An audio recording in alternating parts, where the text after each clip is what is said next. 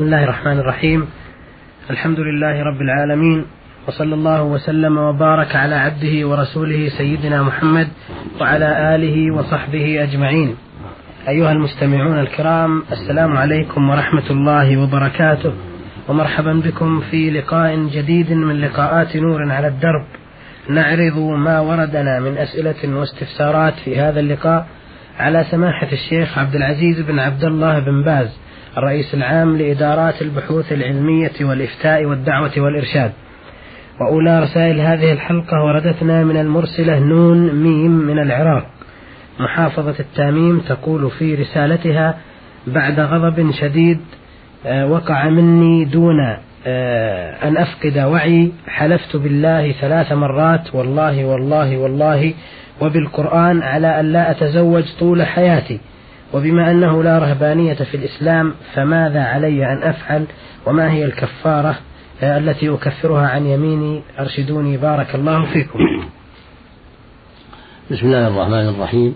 الحمد لله رب العالمين والعاقبة للمتقين وصلى الله وسلم وبارك على عبده ورسوله وأمينه نبينا وإمامنا محمد بن عبد الله وعلى آله وأصحابه ومن سلك سبيله واهتدى بهداه إلى يوم الدين. أما بعد هذه اليمين خاطئة ولا يجوز تنفيذها.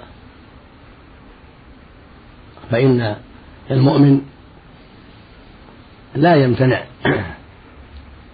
من الزواج بل يسعى في ذلك. لقول النبي صلى الله عليه وسلم يا معشر الشباب من استطاع من الباء فليتزوج فإنه أغض للبصر وأحسن الفرج ومن لم يستطع فعليه بالصوم فإنه له وجاء. وهذا يعم الرجال والنساء. فعليك كفارة اليمين وهي إطعام عشرة مساكين أو كسوتهم أو تحرير رقبة. فمن عجز عن ذلك فعليه صيام ثلاثة أيام. ولو كانت اليمين مكررة ولو كررت اليمين مرات كثيرة. بالله أو بصفة من صفاته أو بالقرآن. يعني القرآن كلام الله.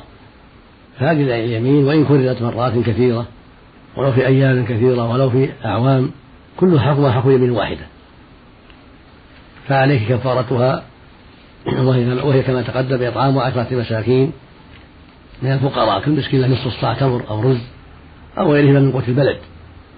ومقداره كيلو ونصف تقريبا. تدفع إلى عشرة. أو كسوة لكل واحد إزار رداء أو قميص. أو عتق رقبة. مؤمنة من ذكر أو أنثى فمن عجز عن ذلك بأن كان فقيرا لا يستطيع الإطعام ولا الكسوة ولا العتق فإنه يجزئه أن يصوم ثلاثة أيام. والحمد لله. نعم. بارك الله فيكم. وهذه رسالة وردت إلى البرنامج من محمد أحمد محمد آه، مصري يعمل بخميس مشيط بالمملكة يقول آه، إذا ذبح الرجل ذبيحة وهو ينويها صدقة وقام بتجهيزها وإنضاجها ودعا جيرانه وأقاربه لأجل الأكل منها وليسوا فقراء آه، على كل حال. فهل تجوز هذه الصدقة أم لا؟ لا مانع من ذلك لأن إكرام الجيران وإكرام الأقارب فيه فضل عظيم. فإكرام الجار قربة وطاعة ينجر صاحبها على ذلك. وهكذا إكرام الأقارب صلة رحم. فهذه من باب الصلة ومن باب إكرام الجيران وكلها قربة فإذا ذبح الذبيحة ونوى بها التقرب إلى الله عز وجل في إكرام أهله وجيرانه وقراباته وأصدقائه هذا عمل طيب وله أجره إذا كان غير منذور أما إن نذر أن يذبح لله ذبيحة نذرا فهذا على نيته. إن كان حين نذرها نواها لقراباته وجيرانه وأهل بيته فهو على نيته. لقول النبي صلى الله عليه وسلم إنما الأعمال بالنيات وإنما لكل امرئ ما نوى. أما إن كان حين النذر ما نوى شيء. أو نواها الفقراء فإنها تصرف للفقراء ذبيحة تذبح وتوزع على الفقراء. هذا هو الواجب. أما إذا ذبح ذبيحة من غير نذر من دون نذر ولكن أحب أن يذبح ذبيحة صدقة تقرب إلى الله عز وجل يريد منها جمع جيرانه أو بعض جيرانه وقراباته أو بعض أصدقائه كل هذا طيب وفيه أجر لأن إكرام الجار عمل صالح وإكرام القريب عمل صالح وإكرام الأصدقاء الطيبين المعروف بالخير عمل صالح فكل هذا فيه خير. نعم. بارك الله فيكم. يسأل أيضا ويقول حلفت فقلت علي الحرام عن الحرمة فهذا فهل هذا يمين آه، مثل أو أنه طلاق وهل له كفارة أم لا؟ أفيدوني أفادكم الله.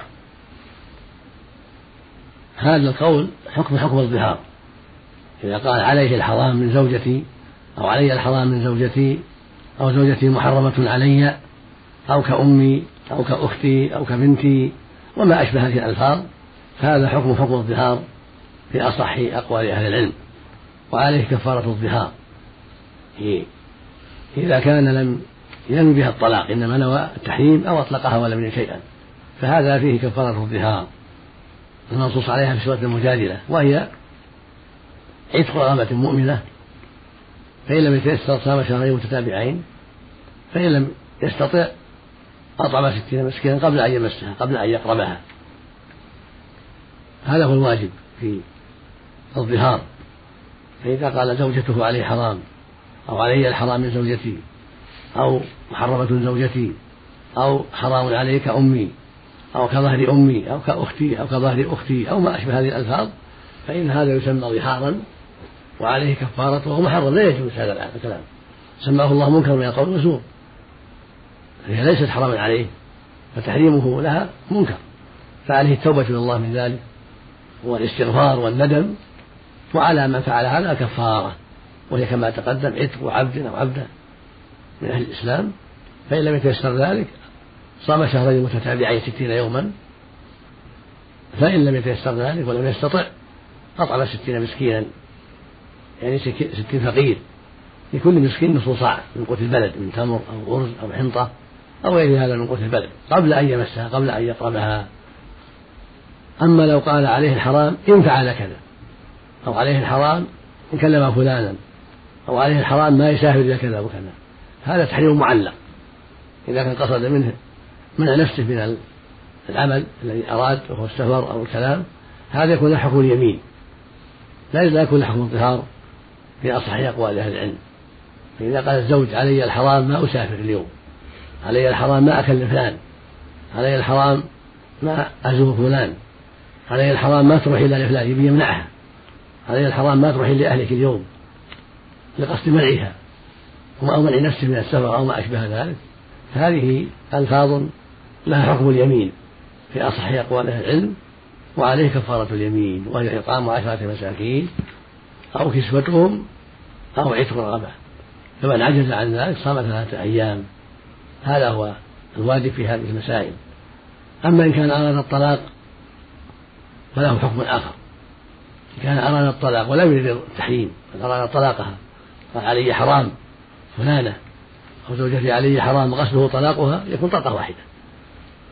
يكون هذا طلقة واحدة يحسب عليه فإن كان قد طلقها قبلها طلقتين تمت الثلاث وحرمت عليه حتى تنكح زوجها غيره فإن كان ما طلقها سابقا أو ما طلقها إلا واحدة سابقا فإنه يراجعها ما دامت العدة. والسنة يشهد شاهدين عدلين أنه راجعها ما دامت العدة. فإن كان قال ذلك لمنع أو لحث أو تصديق أو تكريم ما قصد إيقاع الطلاق. قال عليه الحرام يقتل الطلاق. أو قال عليه الطلاق ما أسافر ما أكلم فلان. ما أزور فلان. أو عليه الطلاق ما تزورين أهلك. أو عليه الطلاق ما تكلمي فلان. قصد منعه هذا مثل ما تقال. حكم حكم اليمين. فهي كفارة اليمين. والله ولي التوفيق. بارك الله فيكم. الرسالة الثالثة وردتنا من سائلة من العراق. من دهوك رمزت لنفسها بسين سين. تقول الأخت من العراق في رسالتها ورد في الحديث الشريف عن رسول الله صلى الله عليه وسلم قوله لعن الله زائرات القبور. فأرجو التوضيح هل يقصد بها النساء جميعا أم هناك نساء معينات؟ وكيف الحال عند زيارة قبر الرسول صلى الله عليه وسلم؟ وما هي الأدعية التي تقال عند زيارة القبور؟ أفيدونا بارك الله فيكم. اختلف العلماء في زيارة النساء القبور بعدما أجمعوا على سنيتها للرجال. وكان النبي صلى الله عليه وسلم قد نهى عن زيارة القبور في أول الإسلام خشية الفتنة بالقبور لأن الجاهلية كانت تعظم القبور وربما عبدت بعض المقبورين من دون الله. فنهاهم عن زيارة القبور حماية للتوحيد وسدا لذراع الشرك. ثم أذن للرجال في الزيارة. قال عليه الصلاة والسلام كنت نهايتكم عن زيارة القبور فزوروها. فإنها تذكركم الآخرة. وفي لفظ تذكركم الموت. واختلف العلماء في النساء هل دخلن في هذا أم لا؟ على قولين لأهل العلم. والصواب أنهن أنهن لم يدخلن في الرخصة.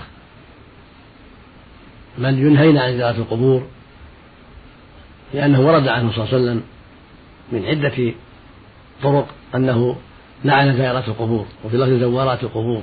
من حديث أبي هريرة ومن حديث ابن عباس ومن حديث حسان بن ثابت رضي الله عنهم وفيها لعن زائرات القبور. فالصواب أنهن لا يزورن القبور مطلقا. هذا هو الأرجح من قول العلماء. حتى قول النبي صلى الله عليه وسلم لا يزورنه ولا يقفن عليه ولكن يصلي على النبي صلى الله عليه وسلم في كل مكان في المسجد النبوي وفي البيت وفي الطريق وفي بيوتهن وفي كل مكان. النبي عليه السلام قال لا تجعلوا قبري عيدا وصلوا علي فإن صلاتكم تبلغني حيث كنتم. فالرسول صلى الله عليه وسلم حثنا ورغبنا في الصلاة عليه والسلام عليه كما أمر الله بنا في كتابه العظيم حيث قال سبحانه إن الله وملائكته يصلون على النبي يا أيها الذين آمنوا صلوا عليه وسلموا تسليما. صلى الله وسلم عليه وعلى آله وأصحابه. صلاة وسلاما دائمين إلى يوم الدين. فهذا المشروع للنساء الصلاة عليه والسلام عليه في كل مكان كالرجال ولا يشرع لهن زيارة القبر ولا قبور الناس الآخرين لا في بلدهن ولا في غير بلدهن. هذا هو المعتمد والأرجح من قول العلماء في هذه المسألة. وإذا كانت المرأة في المدينة سائرة صلي في المسجد مع الناس وتصلي على النبي في المسجد. ما في حاجة إلى أن تذهب عند القبر تصلي عليه في محلها وتسلم عليه تقول اللهم صل وسلم على رسول الله عليك الصلاة والسلام يا رسول الله ونحو ذلك. يكفي هذا والحمد لله. احتياطا وبعدا عما حرم الله. نعم. أه تقول أيضا في نفس السؤال وهل يشمل المنع قبور الأئمة أيضا؟ ثم تسأل عن الدعاء الذي يقال عند زيارة القبور. نعم المنع يشمل قبور الأئمة وغيرهم يشمل قبور الناس جميعا. فلا يشرع للمرأة أن تزور القبور مطلقا لا قبر أبيها ولا قبر أمها ولا غير ذلك. يعني جميع القبور تنهى المرأة عن زيارتها في بلدها وغيرها وإنما الزيارة للرجال خاصة. ولعل الحكمة في ذلك والله أعلم أنهن قليلة الصبر وقد يفتن بهن الرجال. فكان من حكمة الله منعهن من الزيارة حتى لا تكون القبور محل فتنة ولا محل نياحة وجزع وقلة صبر. فرحم الله النساء وكفاهن ما قد يترتب على الزيارة من منهن للقبور بخلاف الرجال فإنهم أصبر وأقل خطرا إذا زاروا القبور من النساء. وفي زيارة القبور ذكرى للآخرة وذكرى للموت. والمرأة في إمكانها أن تذكر الموت في الصلاة على الجنائز في المساجد. مع الناس المرأة تصلي على الجنازة في المسجد وفي المصلى وإنما المنهي عنه ذهابها للقبور زيارتها للقبور واتباعها للجنائز إلى القبور. أما صلاتها على الجنازة في المسجد أو في المصلى فهذا فيه ذكرى ويغني عن ذهابها إلى القبور. وهكذا تذكر الموت دائما وجعله على البال وتذكر الآخرة كل هذا يكفي بحمد الله في تذكر الآخرة والإعداد لها. أما الدعاء فقد بينه النبي صلى الله عليه وسلم. كان يعلم أصحابه إذا زاروا القبور أن يقولوا السلام عليكم أهل الديار من المؤمنين والمسلمين وإنا إن شاء الله بكم لاحقون. يرحم الله مستقدمين منا والمستأخرين. نسأل الله لنا ولكم العافية. وربما زاد فقال اللهم اغفر لأهل بقية خرقا إذا دارهم فهذا هو الدعاء المشروع. يقول السلام عليكم أهل الديار من المؤمنين والمسلمين وإنا إن شاء الله بكم لاحقون. يرحم الله المستقدمين منا والمستأخرين. نسأل الله لنا ولكم العافية. أو يقول يغفر الله لنا ولكم أو غفر الله لنا ولكم أو رحمنا الله وإياكم. كل هذا كلام طيب. نعم. بارك الله فيكم. آه للأخت من العراق سؤال ثاني في هذه الرسالة تقول فيه هناك بعض الاعتقادات آه، عند بعض الناس لإفساد السحر وإبطاله وهي عبارة عن أخذ شيء من الرصاص المذاب على النار وسكبه في إناء فيه ماء ثم يوضع على رأس المسحور وتعاد العملية ثلاث مرات في اليوم. فهل هذا له أصل؟ وما حكم الشرع فيه؟ هذا شيء لا أصل له. ولا فائدة فيه. وهو تلبيس وتخييل. وإلا فهذا لا فائدة فيه.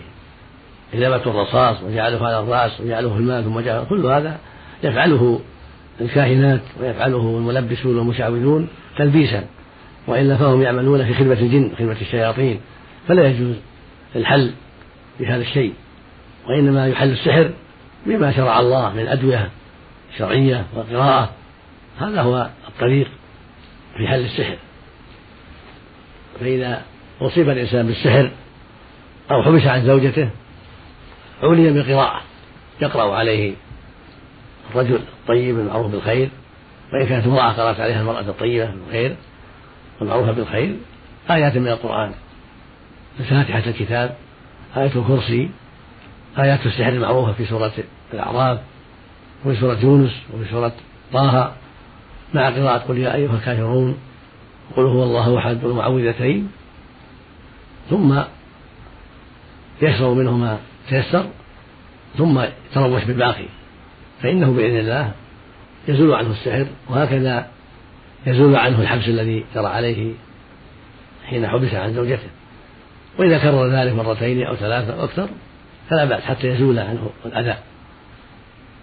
وإذا جعل فيه سبع ورقات من سدر كان هذا أيضا طيبا. فقد استعمل هذا وذكره المتقدمون وينفع بإذن الله. والسدر شيء طاهر لا بأس به. فإذا دق وجعل في الماء مع القراءة فيه كان هذا من أسباب الشفاء. وإذا أضاف إلى ذلك الدعاء المعروف الثابت عن النبي صلى الله عليه وسلم اللهم رب الناس ألف الباس واشفي أنت الشافي لا شفاء إلا شفاؤك شفاء لا يغادر سقما إذا دعا بهذا الدعاء ثلاث مرات كان حسنا ينفض به في الماء. وهكذا بسم الله ألقيه من كل شيء أذيه من شر كل نفس أو عين حاسد الله يشفي بسم الله ألقيه ثلاث مرات. شر هذا.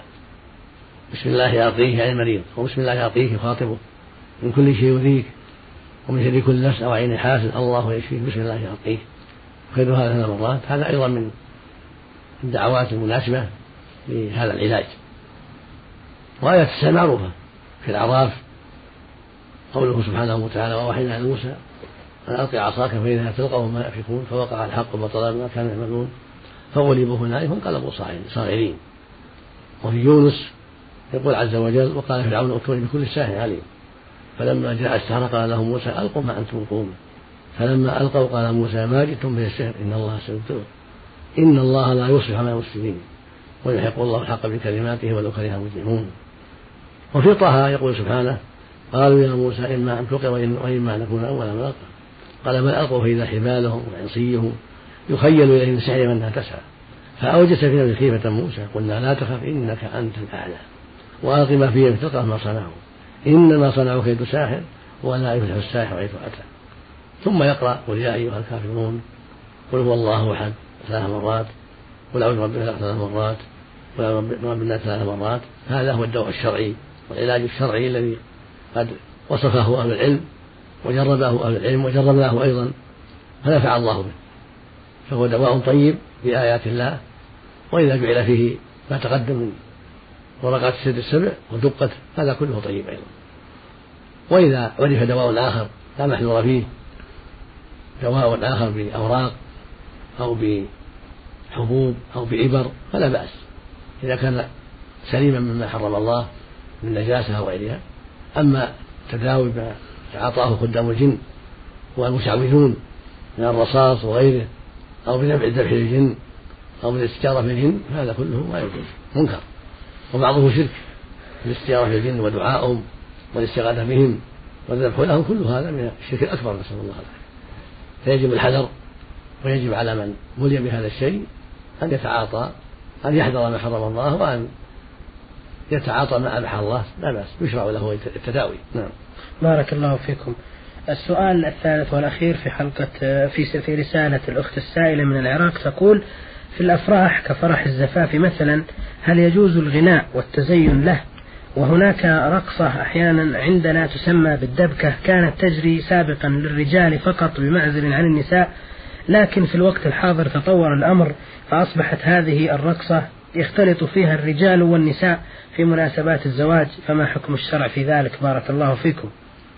أما الغناء المعروف الذي ليس فيه تعدي لحرمات الله بل الغنى في مدح أهل الزوجة أو أهل الزوج مع الدف. فلا بأس مثل ما جاء في حديث عائشة لما زاروهم قالوا أتيناكم أتيناكم حيانا وحياكم ولولا الذهب الأحمر ما حلت بواديكم ولولا الحبة ولولا الحنطة الحمراء ما سلت أذانيكم وما أشبه ذلك الأشعار والغناء يتعلق بمدح الزوج مدح الزوجة مدح أهلهم أهل الزوج أو الزوجة أو أشياء نحو هذا ليس فيها ظلم لأحد وليس فيها غيبة لأحد. هذا لا بأس مع الدف بين النساء خاصة. هذا مشروع من باب إعلان النكاح. كما أمر النبي بإعلان النكاح عليه الصلاة والسلام وأمر بضرب الدف فيه لأن إعلانه أمر مطلوب. حتى يعرف أن فلانة تزوجت فلانا وحتى لا يظن بهم السوء فإن السفاح والزنا يكون بالسر. أما زواج الصلاة فيكون بالعلن. أما الدبكة التي يفعلها الرجال فلا يجوز. وإذا فعلوها مع النساء كان أشر وأقبح. فلا يجوز فعل ذلك من من الرجال مع النساء مختلطين لما فيه من الفتنة والفساد الكبير. أما الرجال فليس لهم دخل في هذا إنما هذا للنساء. وإذا فعل الرجال شيئا يوافق الشرع مثل التدرب على السلاح وحمل الأثقال مثل اللعب بالحراب والتروس والرمي هذا هو شأن الرجال وحدهم. في أي مناسبة. أما اختلاط الرجال بالنساء في الأعراس أو في غير الأعراس هذا منكر لا يجوز لما فيه من الفتنة. قد قال عليه الصلاة والسلام ما تركت بعد فتنة ضر على الرجال من النساء. واختلاط الرجال بالنساء في كل مناسبة ينبني عليه شر كثير ويفضي إلى فتنة عظيمة فيجب الحذر من ذلك. نعم. بارك الله فيكم. وهذه رسالة وردت إلينا من السائل محمد إبراهيم إسماعيل مقيم في تثليث مصري الجنسية يقول آه لي آه ابن عم آه توفي والده فقام أبي بتربيته ولكن حصل بيني وبينه مناقشة في موضوع تطورت المناقشة بيني وبينه كان في جيبي سكين ودون أن أشعر ضربته بها وبعدها مباشرة توفي لكنني لم أقصد قتله ولم يكن بيني وبينه بغضاء سابقة لأننا نعيش في منزل واحد. ووالدي شهد بذلك آه، أمام القاضي فحكم علي سبع سنوات آه، سجن. لكنني أشعر أن هذا لا يكفي فأنا قد تبت إلى الله وأريد الحكم الشرعي في هذا الموضوع لأنني في أشد القلق آه، بسبب خوفي من الله عز وجل فدلوني على الخير بارك الله فيكم. هذه مسألة تتعلق بالقضاء والمحاكم. فإذا سمح عنك أولياء المقتول وأسقطوا عنك حقهم فلا بأس. وعليك التوبة إلى الله مما صدر منك. أما إذا طلبوا حقهم من القصاص أو الدية هذا إلى المحاكم تنظر المحكمة الشرعية في ذلك وفيما تراه المحكمة على ضوء الأدلة الشرعية البركة والكفاية. وإن كنت تعلم أنك متعمد وأنك قاصد قتله فقدم نفسك. قدم نفسك ولا يحتاج إلى محكمة. قل لهم أنا ظلمت نفسي وأنا أخطأت وأنا الذي فعلت المنكر وأنا قصدت قتله فإذا سمحوا عنك فلا بأس وإن قتلوك فلهم الحق في قتلك قصاصا وهم أولياء الدم ورثة القتيل. أما إذا كنت تزعم أن هذا جرى منك من غير قصد سقطت منك السكين أو طعنته بالسكين وأنت في غير شعور هذا شيء يرجع القضاء ينظر فيه القاضي وبعد النظر يتبين له إن شاء الله ما يجب عليه. الله بارك, بارك نعم. الله فيكم. يسأل أيضا ويقول أنا أعيش بعيدا عن والدي ويسكن مع والدي في بيته آه، أخي وهو متزوج وفي أحد الأيام ذهبت لآخذ شيئا من بيت أبي فمنعتني زوجة أخي فغضبت وأقسمت وقلت علي الطلاق لا أدخل هذا البيت أقصد بيت والدي ما دمت حيا.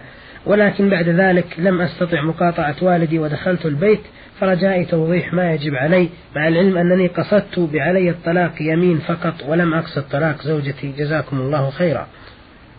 إذا كنت بهذا الطلاق قصدت منع نفسك من دخول البيت والتشديد على نفسك ولم تقصد إيقاع الطلاق على زوج إن دخلت البيت وإنما قصدت كما قلت اليمين يعني منع نفسك من البيت من أجل ما فعلت معك زوجة أخيك فليس عليك إلا كفارة يمين ولا يقع الطلاق. وعليك أن تبر والدك وأن تزور والدك ولا تنفذ هذه اليمين. بر الوالدين من أهم المهمات ومن أفضل ومن أعظم الواجبات ومن أفضل الأعمال. فعليك أن تزور والدك وعليك أن تكفر عن يمينك. والكفارة إطعام عشرة مساكين من من قوت البلد. لكل واحد نصف صاع من قوت البلد نصف صاع كيلو تقريبا من بر أو أرز أو غيرهما. أو كسوتهم تعطي كل واحد إزارا ورداء أو قميصا أو تعتق عبد أو عبده عند وجود ذلك. فإن عجزت عن هذا كله تصوم ثلاثة أيام. بارك الله فيكم. بهذا مستمعي الكرام نأتي إلى ختام هذه الحلقة والتي عرضنا فيها رسائل كل من سائلة نون ميم من العراق محافظة التاميم ومحمد أحمد محمد مصري يعمل بخميس مشيط.